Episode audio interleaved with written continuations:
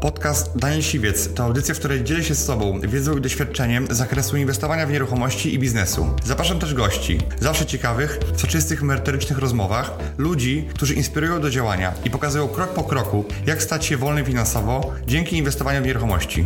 Posłuchaj ich historii, zastosuj modele działania, wykorzystuj narzędzia i uzyskuj podobne rezultaty.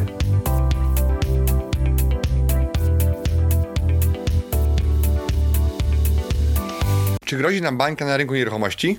Cześć! W dzisiejszym odcinku przedstawię Wam analizę rynku mieszkaniowego. Pokażę Wam, w jakim momencie w tym momencie jest rynek, co na niego wpłynęło, że jest w takiej sytuacji i jakie są prognozy. Wielu inwestorów czeka na to, co będzie, zastanawiają się, czy kupić mieszkanie, czy czekać, czy to jest dobry moment na inwestowanie. W tym odcinku wszystkiego tego się dowiesz. Na samym początku muszę wam powiedzieć, że będziemy analizowali wartość nominalną cen nieruchomości i powiem wam dlaczego. Niektórzy eksperci sugerują, że ceny nieruchomości powinno się oceniać w ujęciu realnym, czyli skorygowanym o inflację. Ja uważam, że to jest błąd, bo wszystkie dobra i ich zmiany określane są właśnie w wartości nominalnej, czyli wyrażonej w wartości aktualnej pieniądza. Jeżeli porównujemy wartość nieruchomości do złota, cen akcji, obligacji czy kryptowalut, to wszystkie te wartości są porównywane w wartościach nominalnych, czyli ich wspólnym mianownikiem jest właśnie wartość w pieniądzu. Oczywiście powinniśmy w długim okresie obserwować inflację i wartość nabywczą pieniądza, bo za tym idzie wartość naszych nieruchomości względem pieniądza i innych dóbr. Jednak w długim okresie praktycznie zawsze ceny nieruchomości utrzymywały swoją wartość w, okresie dewaluującego się pieniądza w czasie. Skoro już ustaliliśmy, w jakiej wartości będziemy analizowali ceny mieszkań, to teraz przejdźmy do meritum, czyli do analizy rynku. Co spowodowało czasowe spowolnienie na rynku nieruchomości? Czyniło się do tego wiele czynników. Pierwszym z nich był wzrost inflacji. 2022 rok był trudnym rokiem, jeżeli chodzi o dynamiczne wzrosty cen praktycznie w każdym obszarze. Z powodu wysokiej inflacji Narodowy Bank Polski podwyższył stopy procentowe do rekordowej wartości w ostatnich latach 6,75. To bezpośrednio wpłynęło na wysokość rat kredytowych oraz obniżyło zdolność kredytową Polaków. Przez to drastycznie spadła ilość kredytów mieszkaniowych.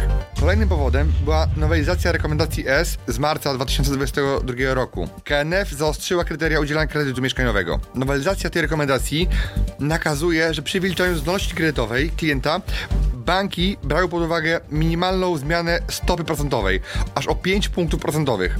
To oznacza, że przy stopie referencyjnej na przykładowym poziomie 7% bank musi oceniać zdolność kredytową klienta tak, aby główna stopa procentowa wynosiła 12%.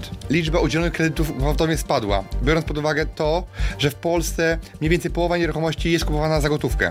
Druga połowa no, miała problem z finansowaniem zakupu. Po trzecie, sytuacja geopolityczna. Duży wpływ miała wojna na Ukrainie. Wiele osób się zastanawiało, czy Polska to dalej dobry kraj do inwestowania w nieruchomości.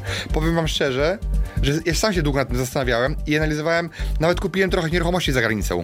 Sam inwestuję za granicą po to, żeby trochę zdywersyfikować kapitał, ale to jest dalej niewielki ułamek małego majątku.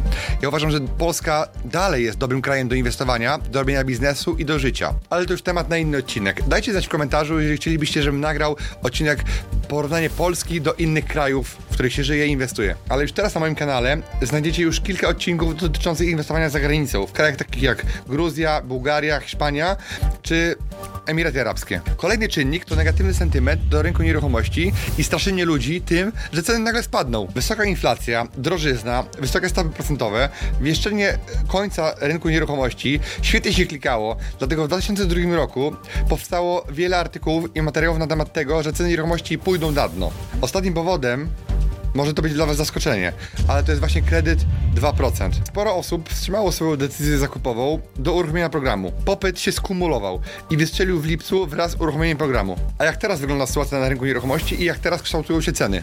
W trzecim kwartale 2023 roku średnie ceny ofertowe wzrosły o 3,7% kwartał do kwartału, co przełożyło się na przyspieszenie rocznego tempa wzrostu aż do 8,6%, z czego ofertowo mieszkanie na rynku pierwotnym podrożało o 4,5% kwartał do kwartału, a 10 rok do roku. Rynek wtórny natomiast podrożał o 3,5% kwartał do kwartału, a 7,3% rok do roku.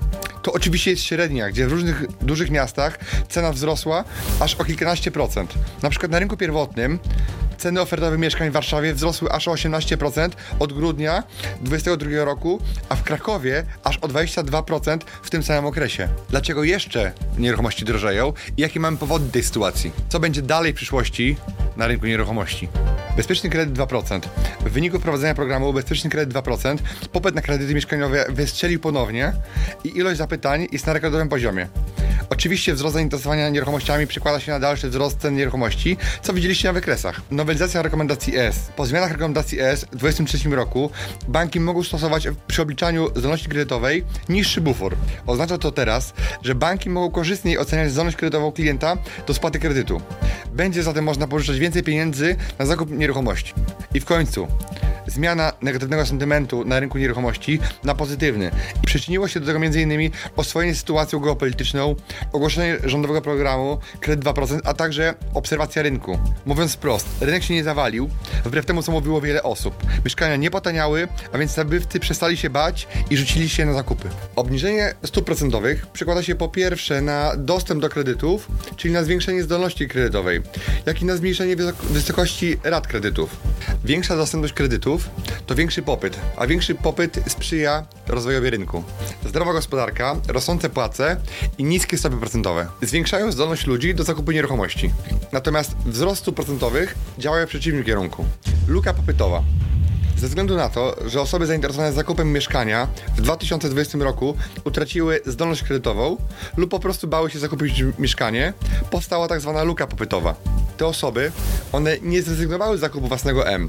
One jedynie odłożyły decyzję w czasie, na lepsze czasy, no, które niewątpliwie nadeszły. Więc mamy do czynienia z, z popytem, który skumulował się i ruszył na zakupy, stymulowany poprzez program Bezpieczny Kredyt 2%. Rentowny wynajem. Utrzymujące się na wysokim poziomie ceny najmu nieruchomości zachęcają inwestorów do zakupu mieszkań pod wynajem. Deweloperzy budują mniej. Ograniczeniem podaży, które jeszcze potrwa. Czyli deweloperzy ograniczyli ofertę, a teraz nie mogą sprostać oczekiwaniom rosnącego rynku. Zgodnie z danymi GUS, czas trwania budowy budynków wielorodzinnych od danych w 2022 roku wyniósł aż 24,3 na miesiąc. Urząd Statystyczny informuje, że od stycznia do sierpnia 2023 roku przeciętna miesięczna liczba oddanych mieszkań wyniosła 11 tysięcy. W ostatnich kwartałach deweloperzy wstrzymali się z rozpoczynaniem nowych projektów oraz wolniej realizowali istniejące już projekty. Przez to liczba rozpoczętych budów od czerwca 2022 roku do czerwca 2023 roku była o kilkadziesiąt procent niższa niż w analogicznym okresie roku poprzedniego. Mamy tutaj do czynienia z sytuacją, kiedy popyt drastycznie rośnie, a podaż nie jest w stanie jej dogonić.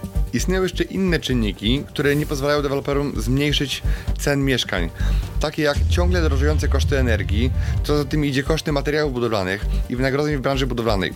Co prawda nastąpiła niewielka korekta wzrostów cen materiałów budowlanych, natomiast jeżeli chodzi o nośniki energii, no nie stanieją, a tego raczej się nie spodziewamy, żeby Unia zrezygnowała z zielonej energii i jej koszty poszybowały w dół.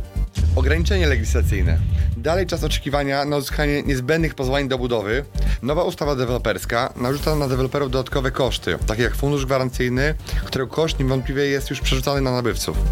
Poza tym w Polsce brakuje dobrego prawa, które skutecznie pomaga samorządom sprzedawać nieruchomości, które są zaniedbane które mają nieokreślony stan prawny po wojnie, na przykład w centrach miast jest wiele takich ruin do rewitalizacji i są na nie chętni inwestorzy, natomiast nie ma szybkiej procedury, żeby miasto mogło taki grunt przejąć i sprzedać na przetargu, żeby już nie straszył dłużej w mieście. A gdyby zwrócił się jakiś spadkobierca po odszkodowanie, miasto mogło mu je po prostu wypłacić. Wszystkie te czynniki mają wpływ na wzrost cen nieruchomości. Podsumowując, mieszkania drożeją. Czy grozi nam bańka na rynku nieruchomości? Jeżeli porównujemy ceny mieszkań w Polsce do cen mieszkań w Europie, to tak naprawdę okazuje się, że mamy jeden z najtańszych mieszkań w Europie. Jako Polacy jesteśmy przywiązani do własności i nie do końca lubimy zadłużać się, porównując nas do innych krajów. Jesteśmy społeczeństwem, które unika kredytów. Jak spojrzymy na relacje kredytów mieszkaniowych ogółem do dochodów, do dyspozycji gospodarstw domowych, to okazuje się, że ryzyko załamania na rynku nieruchomości przez niespłacone kredyty jest bardzo niewielkie, ponieważ nie ma ich dużo. W Polsce według raportu Amronu za drugi kwartał 2023 mamy łącznie 2300 milionów umów kredytowych w porównaniu do 2021 roku, kiedy mieliśmy o 300 tysięcy kredytów mniej. Oznacza to, że w trudnych okresach Polacy regulują swoje zobowiązania kredytowe, co również jest efektem wysokiego oprocentowania kredytów. Czy taniej było spłacić kredyt niż trzymać nadwyżki finansowe na lokacie bankowej? Indeks dostępności mieszkaniowej pokazuje kwartalne zmiany dostępności mieszkania dla przykładowej rodziny, składającego się z dwóch pracujących osób oraz starszego dziecka. Z raportu wynika, że dostępność mieszkań, czyli możliwość zakupu mieszkania, mamy takie jak na przełomie lat 2012-2013. Według corocznego raportu banku UBS na temat ryzyka bańki na rynku nieruchomości, Warszawa jest ostatnim spośród analizowanych dużych miast. Jest już tak wiele lat, kiedy Warszawa jest przedstawiana w tym raporcie jako rynek o praktycznie braku ryzyk na rynku nieruchomości. W tym roku natomiast jako jedyne miasto uzyskało statut niedowartościowane, co można rozumieć, że jest to duży potencjał do wzrostu. Biorąc pod uwagę, że w Warszawie mamy najdroższe nieruchomości w Polsce, to określenie jej jako niedoszacowanej przez bank UBS można też interpretować tym bardziej dla innych miast w Polsce, gdzie ceny są znacznie niższe, też są niedoszacowane, ponieważ raport ten bierze pod uwagę polski rynek pracy, zarobki i gospodarkę.